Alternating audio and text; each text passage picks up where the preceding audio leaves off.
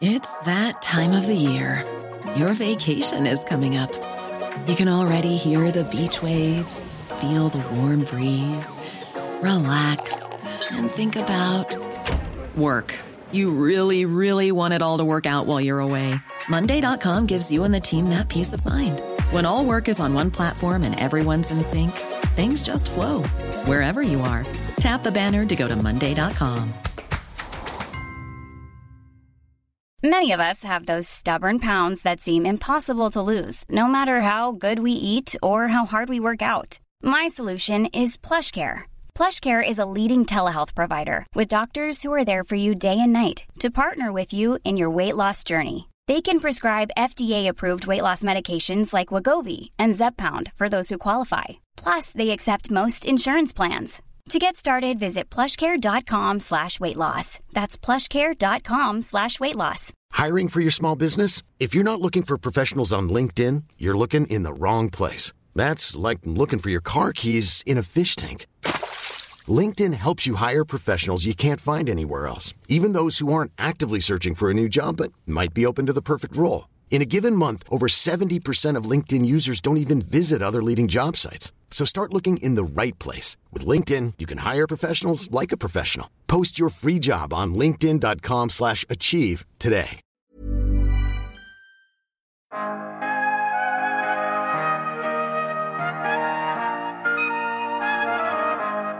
Järnåldern och, och bronsåldern, absolut. Men äh, keramiken var en minst lika viktig teknik och antagligen mer framträdande i, i människors liv på den tiden. Men den har inte fått definiera en hel ålder eller uppfattas som teknik på det sättet. Och det har ju i hög grad att göra med att det associeras till, till kvinnor.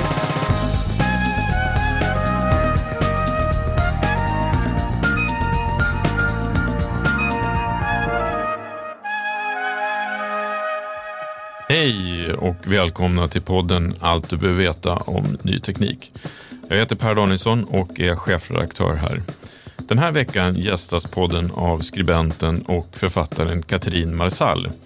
Katrin är aktuell med sin nya bok Att uppfinna världen, hur historiens största feltänk satte käppar i hjulet. Som ekonom och författare är hennes perspektiv vad som hade hänt om fler kvinnliga innovationer kategoriserats som teknik och inte bara något som kvinnor kan och gör. Ja, det här blir ett samtal om ekonomi, teknik, jämställdhet och om samhällets historiska syn på uppfinningar och teknik.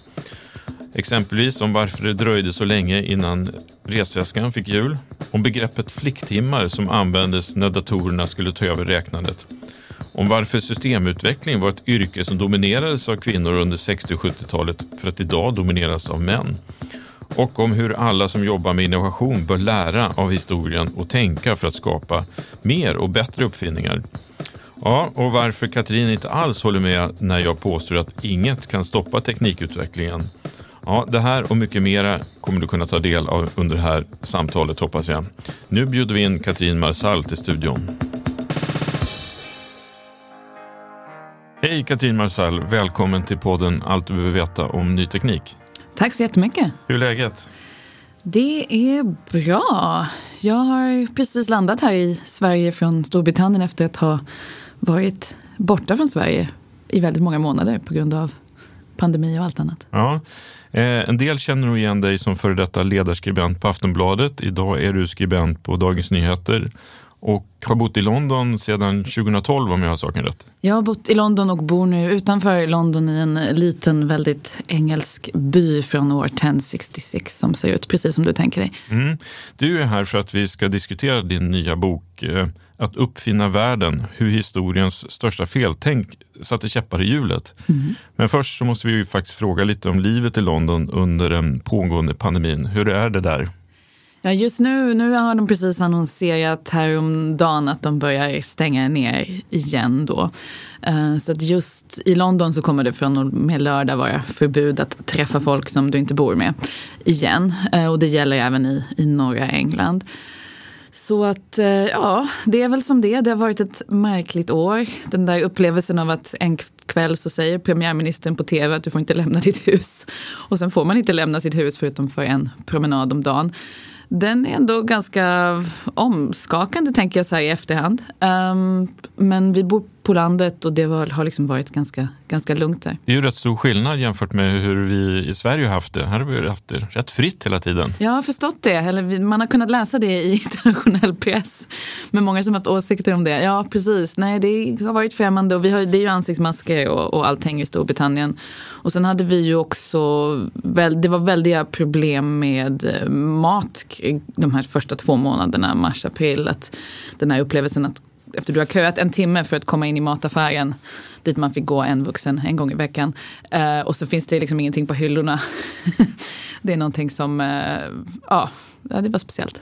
Men, men hur har du som utlandssvensk då sett på den svenska strategin? Alltså jag vet inte, det, jag tror det blir så konstigt för man hamnar i sån bubbla på något sätt. Särskilt, du vet, du är bokstavligen i ditt hus med dina barn hela tiden. Och det som hände i Sverige, det är klart jag pratade med vänner och, och, och kollegor och så vidare.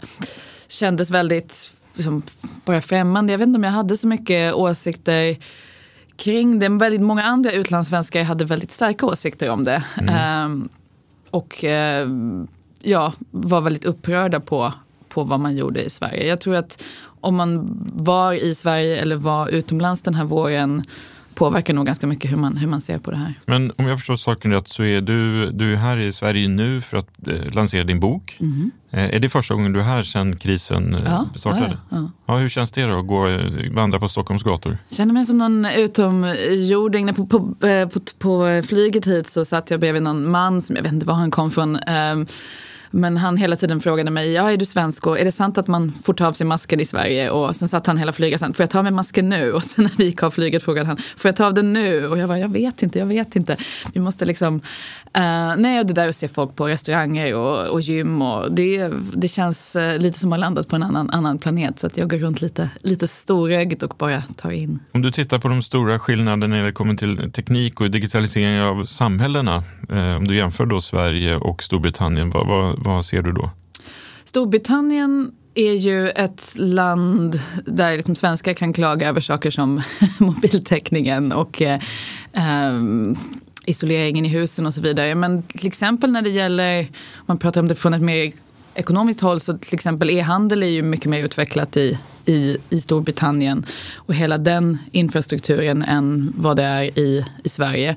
Så där ligger, man, där ligger man före. Och sen finns det ju en stor techsektor i, i London, det som kallas för Silicon Roundabout, som nu riskerar att få stora problem efter Brexit för att de måste ta in arbetskraft från andra länder.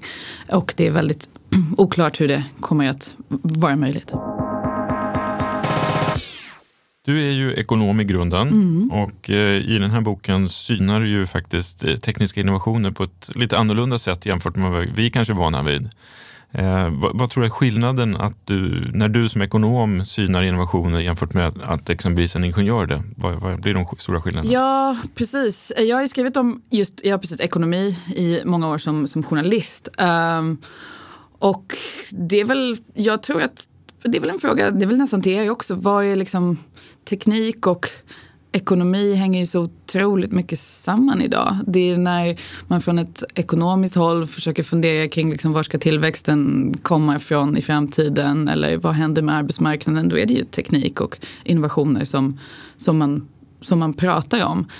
Um, så att uh, det hänger ju verkligen ihop. Men det är klart att mitt, uh, mitt perspektiv är pengar. Ja, jag brukar säga att inget kan stoppa tekniken och att det är teknisk utveckling som driver historien framåt. Det, det spelar ingen roll vad politiska beslut som tekniken kommer alltid vinna i slutändan. Oh, det kan vi debattera. Ja, håller du med om det? Uh, nej. Varför inte? Um, jag tror ju, och jag tror att alltså, tekniken är ju, det är ju vi människor som, som uppfinner. Och um, jag tror att, att prata om tekniken som en kraft bortom människan som liksom knuffar människan framför sig in i någon liksom oundviklig framtid A eller B tror jag för det första är fel. För det andra tror jag inte är särskilt konstruktivt. För att eh, vi, måste ju, vi måste prata om varför vi uppfinner vad vi uppfinner, vilka innovationer som blir möjliga och de kommer ju från oss och därmed så kommer vi in i teknik och vad vi skapar med liksom alla våra väldigt mänskliga föreställningar. Min bok handlar ju om hur våra föreställningar om kön formar vilka, mm. vilken teknik som blir till och inte till. Så att, um, jag tror inte jag håller med, nej. Eller jag gör inte det. Ja, intressant. Eh, den stora massan är, har inte förmågan att eh, själva utveckla och välja eh, vilken teknik de ska använda eller påverkas av, utan det bara sker. Fast det bara sker ju inte. Teknik måste ju, dels måste någon få idén, dels måste det finnas finansiering för den, dels måste någon vilja ta in och sälja den. Det är ju människor i varje led där som kommer in som, som människor. Eh, med detta inte sagt att tekniken inte liksom är en fantastisk och liksom jättestark kraft som formar ekonomin och allt om, omkring oss. Men, eh, men jag tror att man inte ska, ska glömma bort att det är det är människan först. Du nämnde ju det lite här vad boken egentligen handlar om och det kan vi prata mer om såklart. Eh, att eh, du beskriver innovationer och teknikhistoria ur ett liksom genusperspektiv kan man säga. Mm. Men tar in den ekonomiska aspekten väldigt mycket. Boken är elegant skriven, lätt att läsa, men man anar ju en upprördhet under ytan här. Mm. Att du är upprörd över hur den här ekonomiska ojämlikheten och ojämlikheten när det gäller just innovationer eh, har sett ut och ser ut fortfarande. Vad var det som fick dig att börja skriva boken? Egentligen så var det ju... Boken börjar ju i historien om när resväskor fick hjul, vilket skedde sent, 1972. Um, ehm, uppfanns officiellt den rullande resväskan. Så det var ett par år efter att vi skickade två gubbar till månen. Eh, och det är någonting som ekonomer har varit eh, intresserade av för att det blir en sådan bild av innovation och att innovation innovationer som vi idag uppfattar som självklara kan ha tagit väldigt lång tid. Jag menar hjulteknologin var vid det här laget 5000 år gammal. Vi hade satt hjul på en väldig massa andra grejer. Varför inte resväskor? Och det finns liksom, det är många ekonomer som har skrivit om det här, eller ekonomiska tänkare och hittat olika förklaringar till det. Jag har varit fascinerad av den här berättelsen och eh, började titta på den och insåg ganska snabbt efter att liksom bara göra ett ganska grundläggande journalistiskt jobb på det, det vill säga titta i tidningsarkiv, att det handlade om kön. Ehm, um, Hjul på resväskor uppfattades som fruktansvärt omanligt. Även efter att resväskan med hjul hade uppfunnits så ville varuhus inte sälja den för att de tänkte att ingen man kommer någonsin rulla en resväska och kvinnor reste inte själva tänkte man sig. Och den rullande resväskan tog egentligen först fart i slutet av 80-talet, början av 1990-talet. Då när mansrollen förändrades. Man kände sig inte hotad av ett uppsättning hjul på tre centimeter på samma sätt. Eh, och samtidigt som kvinnor började resa i jobbet på ett, på ett nytt sätt, vilket förändrade många branscher. Och helt plötsligt den här rullande resväskan som hade varit en nischprodukt för kvinnor kom in och förvandlade hela den globala resväskeindustrin och inte bara det utan även förändrade hur vi, hur vi reste, hur vi byggde flygplatser och, och flygplan. Så den historien var någonstans början. Och sen så började jag titta efter andra exempel och det hela utvecklades till en, en berättelse, förhoppningsvis underhållande, det är tanken, kring hur teknisk utveckling och innovationer hålls tillbaka av våra idéer om kön. Har du någon speciellt tänkt läsare för den här boken? Ja, jo det hade jag. Uh, alltså, bakgrunden var att jag ville göra någon sorts Malcolm Gladwell, den här eh, kanadensiska amerikanska författaren som försöker skriva underhållande om kanske lite svårare ämnen för en bredare publik. Uh, men det, det är alla som är, som är intresserade av av ekonomi, kanske framförallt för det är det som är, är perspektivet här, även om jag skriver om, om, teknik och innovation. Men kanske inte spenderar varje dag med huvudet i Financial Times, så att säga. Eh, så det är tänkt för en, för en bredare publik, eh, definitivt. Jag tänkte just på den här, eh, det som känns när man läser den, att du är, du är, det här är saker du liksom vill få upp på bordet och vill ska diskuteras i samtiden. Så att, att du har någon slags förändringsförhoppning eh, med boken också. Ja, nej men jag hoppas ju det. Eh, och det leder ju fram till saker som att 99 procent av allt riskkapital i Sverige till exempel går till män. Um, vilket är någonting som jag tycker till exempel att vi borde prata mycket, mycket mer om. Och det är ju en, en, eh, en aspekt där Sverige är sämre jämställdhetsmässigt än, än många andra jämförbara länder. Samtidigt som vi är bra när det gäller annat. Så det är en sån fråga som jag skulle vilja prata om. Men också när man pratar om, från ett ekonomiskt perspektiv, om löneskillnaderna mellan kvinnor och män som är någonting som har stått still. Um, och där Sverige trots mer omfattande jämställdhetsarbete, det är liksom inte som någon större Eh, löneskillnaden mellan kvinnor och män är ganska lik Sverige jämfört med många andra europeiska länder som har mindre jämställdhetspolitik. Så det är någonting, och det där hänger ju samman med med teknik och vilka liksom arbeten och arbetsuppgifter som vi värderar högt respektive lågt. En, ett kapitel i boken kretsar ju kring programmeraryrket. Jag har ju en, en eh, personlig koppling till det, min mamma var programmerare. Så jag kommer ihåg när det var ett kvinnodominerat yrke. Och jag är ju inte så jättegammal. Det kan inte lyssnarna se, men jag är inte, inte jättegammal.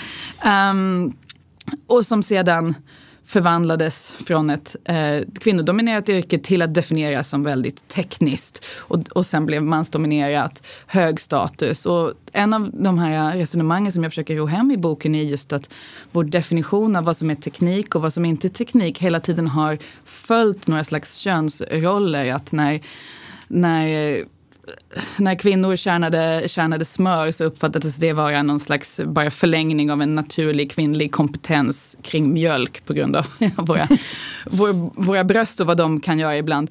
Uh, och sen så män kom in och det hela omdefinierades till ett tekniskt yrke. Uh, statusen gick upp, lönerna gick upp och kvinnor uteslöts. Uh, I många andra yrkesgrupper så barnmorskor förbjöds bokstavligen att använda verktyg av metall för att det ansågs för tekniskt. Uh, och det spelade roll i hur liksom, sen läkaryrket och barnmorskeyrket utvecklades. Det ena blev kvinnodominerat, det ena blev hög status, det andra blev låg status.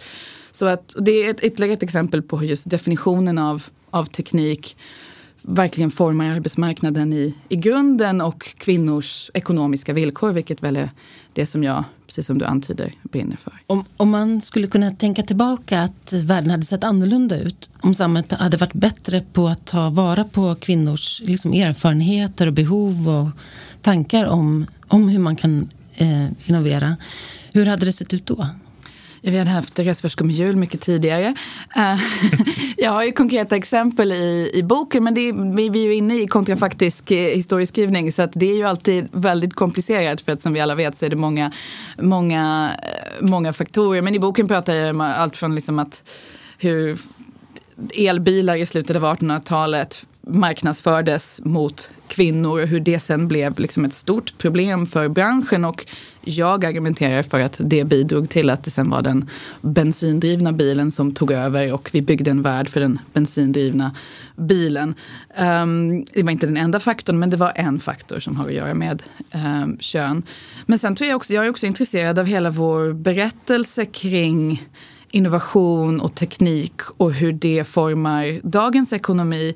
Det finns ju någon sorts bild av att de, människan på något sätt var en apa som reste sig upp på två ben, tog tag i en vass pinne och tillverkade ett spjut. Och det, här, det var det första verktyget, det var den första tekniken.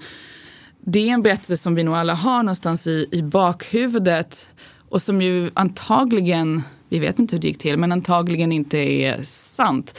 Vi utgår från att vår vilja till innovation, till uppfinningar, till att skapa teknik hänger på samman med vår vilja att dominera vår omvärld och döda mammutar. Um, men om man inkluderar kvinnor i teknikhistorien så får man en annan berättelse. För att antagligen var det så att de, de första verktygen upp, faktiskt uppfanns av, av kvinnor, tror man. Och att det var grävpinnen som man då inte är något vass som man riktar mot sin omvärld utan någonting som man eh, använder för att gräva i jorden efter rötter och insekter. Och om det var världens första verktyg, eh, uppfanns av kvinnor, då blir ju på något sätt hela, hela berättelsen om varför människor skapar teknik och vad som driver oss, incitament i vad som intresserar ekonomer, blir inte bara att liksom, så som man idag inom innovationsekonomin ofta pratar om disrupt and crush and break things, utan det kan lika väl vara att liksom uppfinna verktyg för, av, av, helt, andra, helt andra drivkrafter och då blir det, då blir det ekonomiskt intressant och man, man skulle kunna prata om en, en andra värderingar som skulle kunna styra innovation och hur vi finansierar innovation och så vidare. Ja, du skriver lite grann om att hur de här värderingarna har genomsyrat till och med hur vi liksom kallar olika tidsåldrar. Vi har järnåldern, vi har bronsåldern, medan alternativa åldrar kanske vore keramikåldern, linneåldern. Mm. Precis, för det är ju lika, och det säger ju historiker, alltså det, allt finns ju där, det här är ju inte något som jag har hittat på, utan jag har gjort ett journalistiskt jobb och samlat det här, men precis, att det, det är inte, alltså järnåldern och, och bronsåldern absolut, men äh, keramik, keramiken var en minst lika viktig teknik och antagligen mer framträdande i, i människors liv på den tiden. Men den har inte fått definiera en hel ålder eller uppfattas som teknik på det sättet. Och det har ju i hög grad att göra med att det associeras till, till kvinnor. Och det, vi får liksom ett för snävt teknikbegrepp som dels får oss att missförstå oss själva och vår, vår drivkraft till att uppfinna världen, som boken heter. Um, ja, och, och begränsar oss helt enkelt.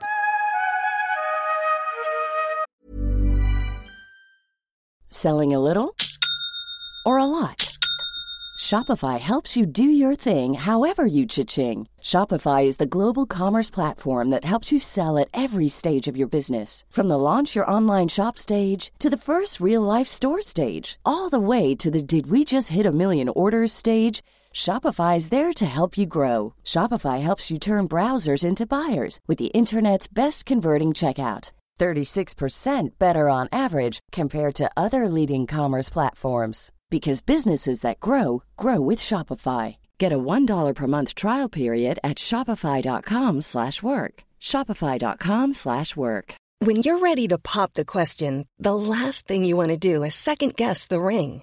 At bluenile.com, you can design a one-of-a-kind ring with the ease and convenience of shopping online. Choose your diamond and setting. When you find the one, you'll get it delivered right to your door. Go to Bluenile.com and use promo code LISTEN to get $50 off your purchase of $500 or more. That's code LISTEN at Bluenile.com for $50 off your purchase. Bluenile.com code LISTEN.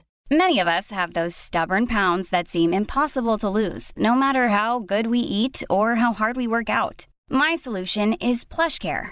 PlushCare is a leading telehealth provider with doctors who are there for you day and night to partner with you in your weight loss journey. They can prescribe FDA-approved weight loss medications like Wagovi and Zepbound for those who qualify. Plus, they accept most insurance plans. To get started, visit plushcare.com slash weight loss. That's plushcare.com slash weight loss. I'm Sandra, and I'm just the professional your small business was looking for. But you didn't hire me because you didn't use LinkedIn jobs. LinkedIn has professionals you can't find anywhere else, including those who aren't actively looking for a new job, but might be open to the perfect role, like me.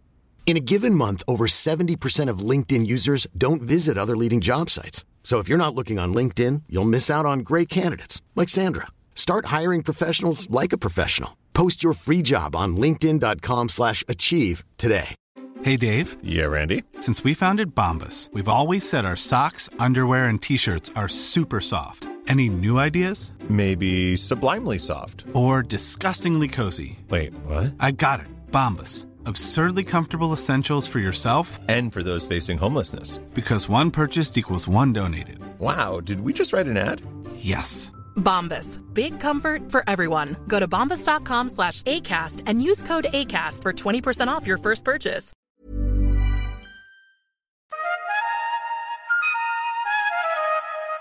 Jag tänkte att du skulle få ett gäng olika ord här nu. Mm. Jag tänkte att du, när du hör de orden så kan du berätta lite vad du tänker. Och, eh, det, många av orden finns såklart med i boken. Och det första är flicktimmar. Flicktimmar, ja. Det var världens första offentliga föreläsning om datorer hölls, um, de så kallade Moore School Lectures som hölls 1946 efter kriget när datorer gick från något eh, hemligt för militären till någonting som man även pratade om offentligt. Hölls på University of Pennsylvania i USA. Och under den första föreläsningen så eh, pratar professorn hela tiden, han ska diskutera den ekonomiska nyttan med de här nya maskinerna. Är det, vi har byggt datorer under kriget för att räkna ut banor för granater. Det har varit väldigt användbart. Ska vi lägga pengar för det var ju dyra grejer på den tiden, eh, på att ha de här maskinerna även i, i fredstid. Är det motiverat? Så det är som en, en ekonomisk föreläsning på många sätt. Eh, men det intressanta med den är att måttet han använder genomgående för att mäta den potentiella ekonomiska nyttan med datorer är flicktimmar, girl hours. Um, och girl years, flickår. Och det reagerar man ju på lite som modern läsare av transkriberingen. Men då måste man ju komma ihåg att på den tiden var det här naturligt för att vi, vi, de, de jobb som de här datorerna skulle komma in och ta, det var jobb som då utfördes av bokstavligen flickor um, som satt och gjorde den här typen av kalkyleringar för hand. Datorer som många lyssnare säkert vet var ju ett, eh, ett manuellt jobb som utfördes av människor och som fram till från slutet av 1800-talet var väldigt dominerat av av kvinnor på, på många håll, bland annat i USA. Så att det var ekonomiskt motiverat att räkna i flicktimmar för att kvinnor hade ju lägre löner officiellt. Så att om du skulle räkna ut om det var motiverat att tillverka den här datorn för att göra ett jobb som idag utfördes av tio flickor, då var kostnaden för varje flicktimme väldigt relevant i den kalkylen. Så det var flicktimmar betyder. Så att mäta datakraft i, i flickkraft, det var det ungefär som, ja, som man mäter motorkraft i, i hästkrafter. Att det är ett mått som kommer från den som utförde samma jobb tidigare. Men idag så blir det ju en, en bild av att eh, kvinnor fanns med i datorernas barndom på ett sätt som vi kanske inte tänker på idag. Vad säger du om vi säger ingenjör? Jag säger ingenting. vad vill ni jag ska säga med ingenjör? uh, ja, som någon boende i Storbritannien så tänker man ju mycket på man är uppvuxen i Sverige och sen flyttar till Storbritannien så är det någonting jag har tänkt på hur mycket Sverige är ett land av ingenjörer på ett väldigt positivt sätt. Det är ju någonting som i Storbritannien pratas mycket om att de eh, behöver mycket mer av den typen av, av, kompetens och så vidare. Men jag tror även, även kulturellt och svenskt näringsliv är väldigt liksom, präglat av, av det här på ett sätt som inte, inte Storbritannien är på samma sätt. Vilket kanske är lite konstigt med tanke på deras, deras historia med industrialiseringen och, och så vidare. Så jag, jag, har inte jättestarka åsikter om ordet ingenjör. Jag, nej, det är bra. Om vi säger ordet rullator. Mm. Det skriver jag om i boken. Um, jag har ägnat mycket tid åt att uh, um, forska om rullatorer. Rullatorn är en uppfinning som kom till i Västerås, tror man. Det är svårt med alla uppfinningar. Det verkar ju vara så om man tittar tillbaka historiskt att folk tenderar att få samma idé, ungefär samma idé, ungefär samtidigt helt oberoende av varandra, vilket också är intressant. Men eh, Aina Wifalk var en eh, svensk kvinna som hade den här idén. Um, hon var hade drabbats av, hon var drabbad av polio och eh, hade väldigt svårt att gå och gick i 15 år med käppar i armhålorna vilket slet ut hennes axlar och eh, tänkte det måste finnas ett, ett bättre sätt. Och eh, ritade det här och eh, fick en sån här rullator konstruerad till sig själv och hade en idé om att eh, det här skulle kunna vara en följeslagare för människor som hade svårt att gå och för äldre på ett sätt. Eh, så det var den här kombinationen av att hon hade en vision om att folk som var som hon hade svårt att röra sig eller äldre också skulle kunna röra sig ute i samhället och vad kan man göra för att underlätta för dem. Men poängen med hennes historia som jag gör i boken är ju att hon sedan sålde den här idén otroligt billigt och liksom aldrig, aldrig blev rik på den. Uh, och vad det berättar för oss om kvinnliga uppfinnare och kvinnors möjligheter att få finansiering för, för sina uppfinningar. Vad säger du om vi säger kundvagnar? mer jul. Ja, mer jul. Jag har mycket, mycket, läst mycket om, om jul, julet. Precis, det fanns ju tabu mot att män skulle, skulle rulla resväskor eh, väldigt länge. Kundvagnar uppfanns tidigare. Uh, men det var också svårt att få uh, män att, uh, att använda kundvagnar. Och uppfinnaren av kundvagnar i USA, han fick hyra in modeller i början som fick gå runt i affären med kundvagnar och se coola ut för att få folk att börja använda dem. Och det är ju en poäng kring att, att man uppfinner någonting apropå idén här om att tekniken knuffar oss alla framför oss. Om människor inte använder tekniken så, så kommer den inte slå igenom i ekonomin. Om vi säger måndräkten då? Måndräkterna, precis. Måndräkten som eh, Neil Armstrong och Buzz Aldrin bar på månen 1969. De, det är en intressant innovationshistoria. De tillverkades av ett företag specialiserat på tillverkning av eh, damunderkläder. Eh, som hade en teknisk kompetens inom latex. För att på den tiden hade man latexgördlar under kläderna för att ha smal midja. Ehm, och ehm, det, det, gav dem ett tekniskt försprång. NASA testade väldigt många måndräkter. Den här måndräkten som var mjuk. Det, eh, det, var väldigt många andra prototyper som var hårda måndräkter. Och det skulle inte fungera. För att astronauterna måste kunna, kunna röra sig. Och det är samtidigt som det är enormt höga krav på den här typen av plagg naturligtvis tekniskt. Eh, I rymden är en, en hård miljö med extrem kyla och extrem värme och eh, mikrometeoriter som kommer, och, eh, kommer mot dig. Och eh, det var sömmerskor som flyttades till slut från, eh, från eh, tillverkning av gördlar och eh, bh som handsydde de här måndräkterna. Och jag gör en poäng kring att mjuka saker är också teknik. Precis, men att det var lite svårt också för det här företaget att, att få acceptans fastän de liksom i test efter test visade sig vara, ha den bästa lösningen. Så det liksom var svåraccepterat för NASA eller för beställaren då? Det var svåraccepterat för NASA. Um, och också det fanns ju kulturella problem för att NASA var en organisation som krävde tekniska ritningar. Ehm, um, dräkterna syddes av sömmerskor som hade liksom enorm teknisk kompetens men inte förstod varför man skulle göra liksom ingenjörsritningar för, för varje måndräkt. Och det var liksom enorma konflikter mellan de här alltså kulturer i två olika organisationer där ingen har väl rätt eller fel men de kunde liksom inte prata med varandra.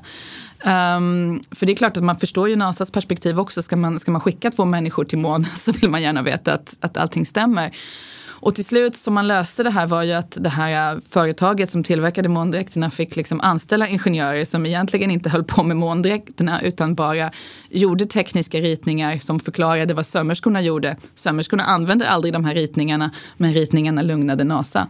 Så det var ju en lösning. Men också att du berättade där att de här ingenjörerna de hade liksom sömnadsplikt. De fick sitta ja. också och lära sig och sy. För att liksom, och att det var ett exempel på hur man kan jobba ingenjörer och en annan verksamhet för att liksom förstå varandra. Precis, jag tror att anledningen till att det här företaget var så innovativt och, eh, och lyckades med det här och kunde tänka utanför boxen som det, som det heter väldigt schablonmässigt var att det var ett företag som verkligen, ja ingenjörerna fick sitta och lära sig sy i veckor ibland. Och eh, cheferna satt vid symaskinerna och pratade med sömmerskorna och det fanns liksom en väldig öppenhet i, i organisationen och just inte den här eh, tradition, någon slags traditionell uppdelning att så att säga sömna är, är kvinnligt och har ingenting med, med teknik att göra utan man faktiskt förstod att, att, att det var någonting och att i det här mötet så kunde man ta sig till månen. Ett annat ord eller två ord, moderjord. Moderjord, ja det är det vad boken utmynnar i. Um, för jag pratar ju om många historiska exempel på där jag menar att vi har innovationer och uppfinningar har hållits tillbaka på grund av våra idéer om kön. Och det kan ju vara lätt, liksom, vi kan skratta åt att man inte satte hjul på resväskor före 1972 och vi tycker det är knasigt. Eller liksom, varför antog man att elbilar var något för kvinnor. Det är orimligt. Det är lätt att se hur våra idéer om kön har påverkat oss historiskt för att våra idéer om kön har förändrats. Det är svårare att se hur det påverkar oss idag. Och där pratar jag om klimatfrågan i slutet av, av boken och hur så att säga, Moder Jord, det finns ju få saker som är lika kvinnligt kodade som naturen. Um, och det finns en, en allmän föreställning om att vi, människan ska genom teknik dominera, använda naturen. Eh, som är kvinna och därmed någonting som ska underordnas och kontrolleras. Och liksom historiskt så mycket kopplingar mellan när man har försökt lägga naturen under sig och då även lägga kvinnan under sig. Och jag beskriver hur det här präglar diskussionen om klimatförändringar och möjligheterna för uppfinningar som kan, kan hjälpa oss med den utmaningen. Så det är där boken mynnar ut. Om vi säger James Damore. Ja! det är mannen som skrev det berömda PMet på, på Google uh, för några år sedan. Det blev en stor skandal där han argumenterade för att uh, Google borde sluta med sina jämställdhets um, ja, att få in fler, fler kvinnor eftersom Ehm, kvinnor till sin natur mycket sällan var lämpade för den typen av tekniska jobb. Och det blev stor skandal. Jag tror stackaren fick, fick sparken. Det var liksom en väldig reaktion på det här. Um, och vad jag säger i boken om det är väl, jag beskriver ju hur, som jag var inne på tidigare, programmeraryrket faktiskt var kvinnodominerat för inte alls särskilt, särskilt länge sedan. Och jag beskriver världens första programmerare var kvinnor ute på Bletchley Park i, i Storbritannien och sen hur i Storbritannien som exempel, då fick man ju, sen när man insåg att datorer skulle bli ganska, ganska viktiga och cheferna inom, inom offentlig sektor insåg att vi kommer behöva ha datoriseringschefer på, på Bank of England. Oj, de enda som kan något om det här det är, är kvinnor i kedjerökande kvinnor i minikjolar um, på lågbetalda jobb. De kan inte bli datoriseringschefer på Bank of England. Vi måste uppmuntra män till att intressera sig för datorer. Det här var inte så länge sedan. Um, där det var män som skulle uppmuntras till att ta sig in i det här yrket. Um, idag är det tvärtom och jag menar att liksom, i den här jättedebatten om, om det här PMet på Google så glömmer man bort historien. Vi har ju pratat om att det dröjde länge innan resväskan fick hjul och eh, du skriver om flera områden där innovationer har hindrats av att omvärlden inte förstått potentialen riktigt och på grund av att innovationer kommer från en kvinna eller från ett håll som inte uppfattas som tekniskt. Eh, vilka blinda fläckar har vi idag och vilka innovationer är det som vi inte ser? Ja, alltså dels så finns det ju, om man börjar med det, det ekonomiska, om 99 procent av allt riskkapital i Sverige går till män, då är det rimligen ganska många människors innovationer som vi inte ser. Inte för att riskkapital är den enda formen av finansiering, det finns många andra, men det är ändå ett tecken på någonting. Um, så att där finns det ett, som en jätteblind fläck uh, som är rent ekonomiskt. Men sen tror jag att det ligger i det här, alltså det finns ju fortfarande en ovana liksom bara att tänka kvinnliga konsumenter. Um, det finns som en manlig norm i allt det där fortfarande som jag tror är väldigt eh, stark. Jag pratade så sent som igår bara med eh, Hövding, det här svenska cykelhjälmsföretaget från, från Lund om de här frågorna. Och eh, de beskrev ju också att bara den här idén att en cykelhjälm måste inte sitta på huvudet, att, den, att det var två kvinnor som hade den är nog kopplad till att en cykelhjälm på huvudet är någonting som kvinnor, som, eftersom vi ofta har längre hår, eh, tycker är jobbigare än vad många män tycker. Så att, liksom, det var ett problem som var ett större problem för, för kvinnor och då kunde de sätta sig och börja försöka lösa det. Så det är, det är alla de där små sakerna. Men sen tror jag att det finns någonting väldigt stort här egentligen i, i hela den här beskrivningen av tekniken och innovation som knutet till vår vilja att, alltså ekonomiskt finns det en stor myt till exempel om att, att eh, innovationer kommer från krig och konflikter. Det är liksom, ja vi hade andra världskriget men tack och lov så, så fick vi jetmotorer och, eh, från det och, och andra uppfinningar egentligen liksom, ekonomi, historiskt så stämmer ju inte det där. Det är klart att krig alltid förstör mycket mer ekonomiskt värde än vad det eventuellt skapar i, i innovation. Och den tror jag man måste, man måste göra upp med också. Att liksom vår vilja till, till det nya och till att uppfinna teknik hänger inte samman med bara med att dominera och crush it och disrupt. Utan, utan med andra saker också. Och alla de drivkrafterna har vi, lite, har vi väldigt slarvigt kallat för kvinnliga och lite uteslutit och sagt att det hör liksom inte ihop i den här hårda diskussionen om hårda saker av, av metall. Och den tror jag man, man måste göra upp med. Det är, liksom, är bh-tillverkning som kan ta oss till månen ibland. Och, det, och det, det är en väldigt tydlig läxa historiskt. Om vi då ska lära någonting av historien. hur ska teknikföretag och andra aktörer i samhället göra eller jobba och tänka för att liksom, fler ska få möjlighet att och bidra till att skapa innovationer? Mm. Nej, men alltså, det är klart att där, det finns ju en, en väldig poäng med, med jämställdhet inom företag av det här skälet. Och det är inte så, alltså, rent ekonomiskt, det ju, finns ju liksom, forskningen där liksom, om kvinnor får med sig ett annat perspektiv eller inte. Det är man liksom lite oenig om. Liksom. Uh, så det är som inte jättetydligt att, att det är så, men det är klart att det hjälper. Och sen tror jag att de här, som de här exemplen som jag beskriver, det här eh, måndräktsföretaget, latexföretaget som hade liksom en, en förmåga att, att förstå att liksom, teknik, det behöver inte bara vara det här, det här väldigt snäva, utan det kan vara andra saker också. Och, Um, så det, det, det, tror jag är, är viktigt och, och det, det, är väl det jag vill peka på med boken. att Jämställdhet och, och vikten av att ta in kvinnor och eh, lyssna på kvinnors idéer och finansiera kvinnors idéer. Det handlar inte bara om att liksom, kvinnor på sikt ska börja tjäna lika mycket pengar som män, vilket jag naturligtvis hoppas på ska ske också.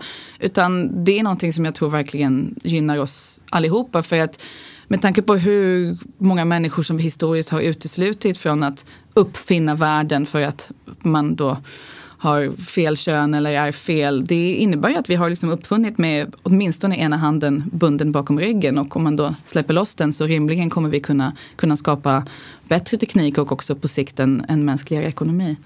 Vi är på väg att få en ny typ av maskiner nu, eller en utveckling eh, i form av artificiell intelligens.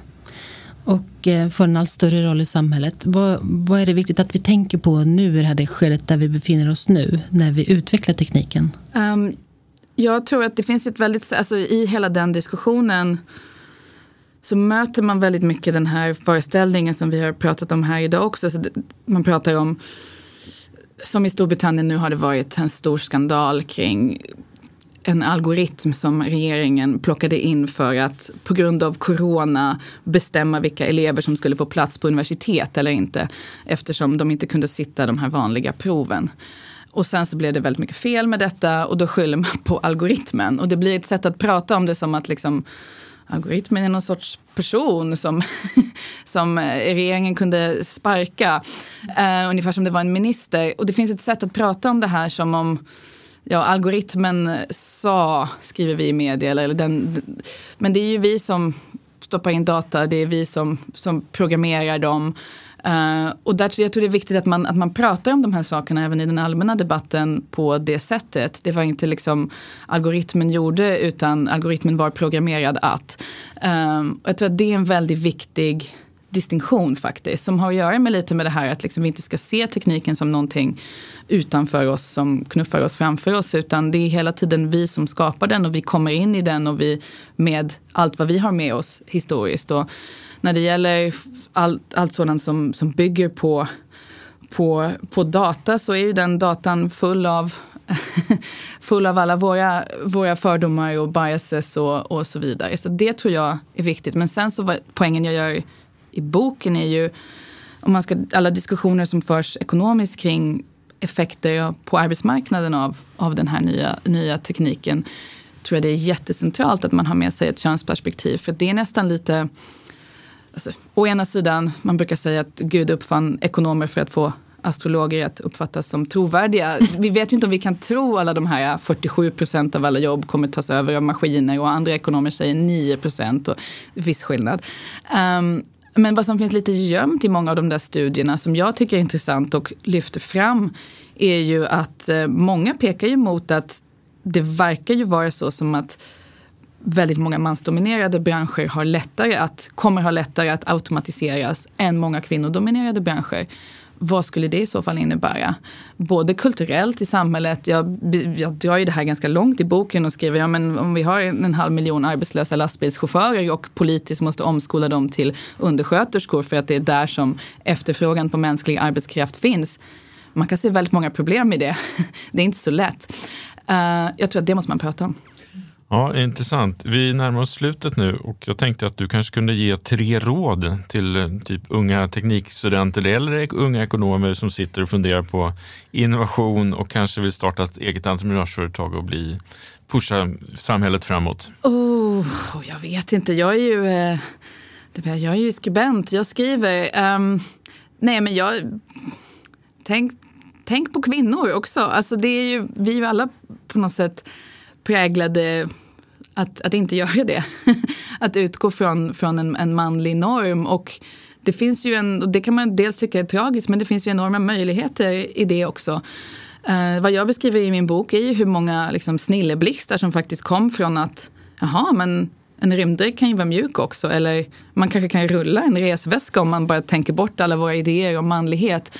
Det finns ju, det finns ju en väldig potential i att ta in de perspektiven som man inte har, har, har tänkt kring tidigare. Så, att, så det tror jag. Och det är ju, det är ju ganska Um, det är både viktigt, men jag, jag, tror att det finns stora, stora möjligheter där. Och, och sen så sen tror jag att vi behöver det finns ju i den ekonomiska debatten så det är väldigt många ekonomer som uttalar sig och pratar och har massa idéer om, om alla de här sakerna. Jag tror att vi behöver, behöver fler, fler ingenjörer som, som pratar ekonomi och liksom är med i den här diskussionen om den andra maskinåldern och eh, artificiell intelligens och vad det gör med, med arbetsmarknaden. För det kan man inte bara, bara lämna till ekonomer och politiker.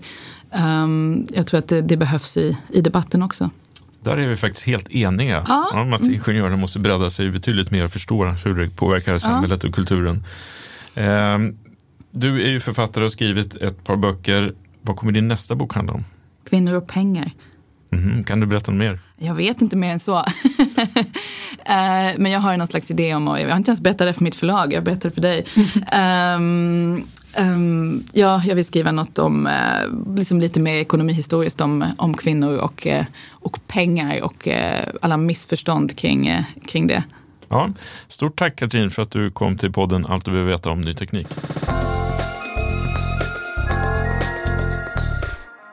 Ja, men då närmar vi oss slutet på det här avsnittet. Eh, stort tack för att du har lyssnat. Som vanligt uppmanar vi dig att klicka på prenumerera i den poddplattform som du använder. Då missar du inte något avsnitt. Och som alltid, mejla gärna redaktionen nyteknik.se om du har frågor, synpunkter eller kanske till och med tips på gäster som du tycker att vi ska bjuda in till den här podden. Vi hörs nästa vecka. Hej då!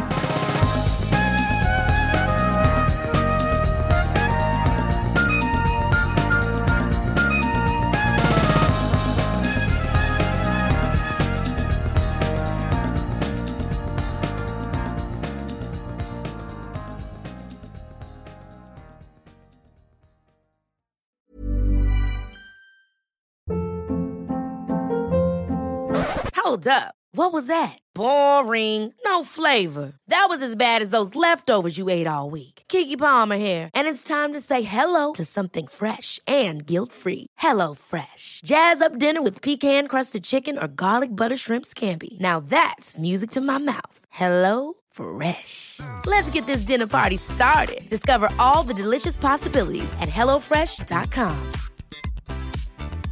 Hi, I'm Daniel, founder of Pretty Litter. Did you know cats tend to hide symptoms of sickness and pain? I learned this the hard way after losing my cat, Gingy. So I created Pretty Litter, a health monitoring litter that helps detect early signs of illness by changing colors, saving you money and potentially your cat's life. Pretty Litter is veterinarian developed, and it's the easiest way to keep tabs on your fur baby's health right at home. Go to prettylitter.com and use code ACAST for 20% off your first order and a free cat toy. Terms and conditions apply. See site for details.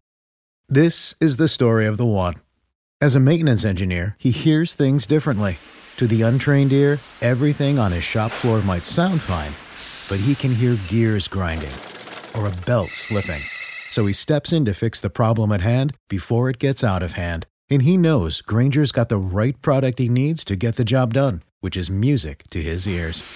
Call, clickgranger.com, or just stop by. Granger, for the ones who get it done.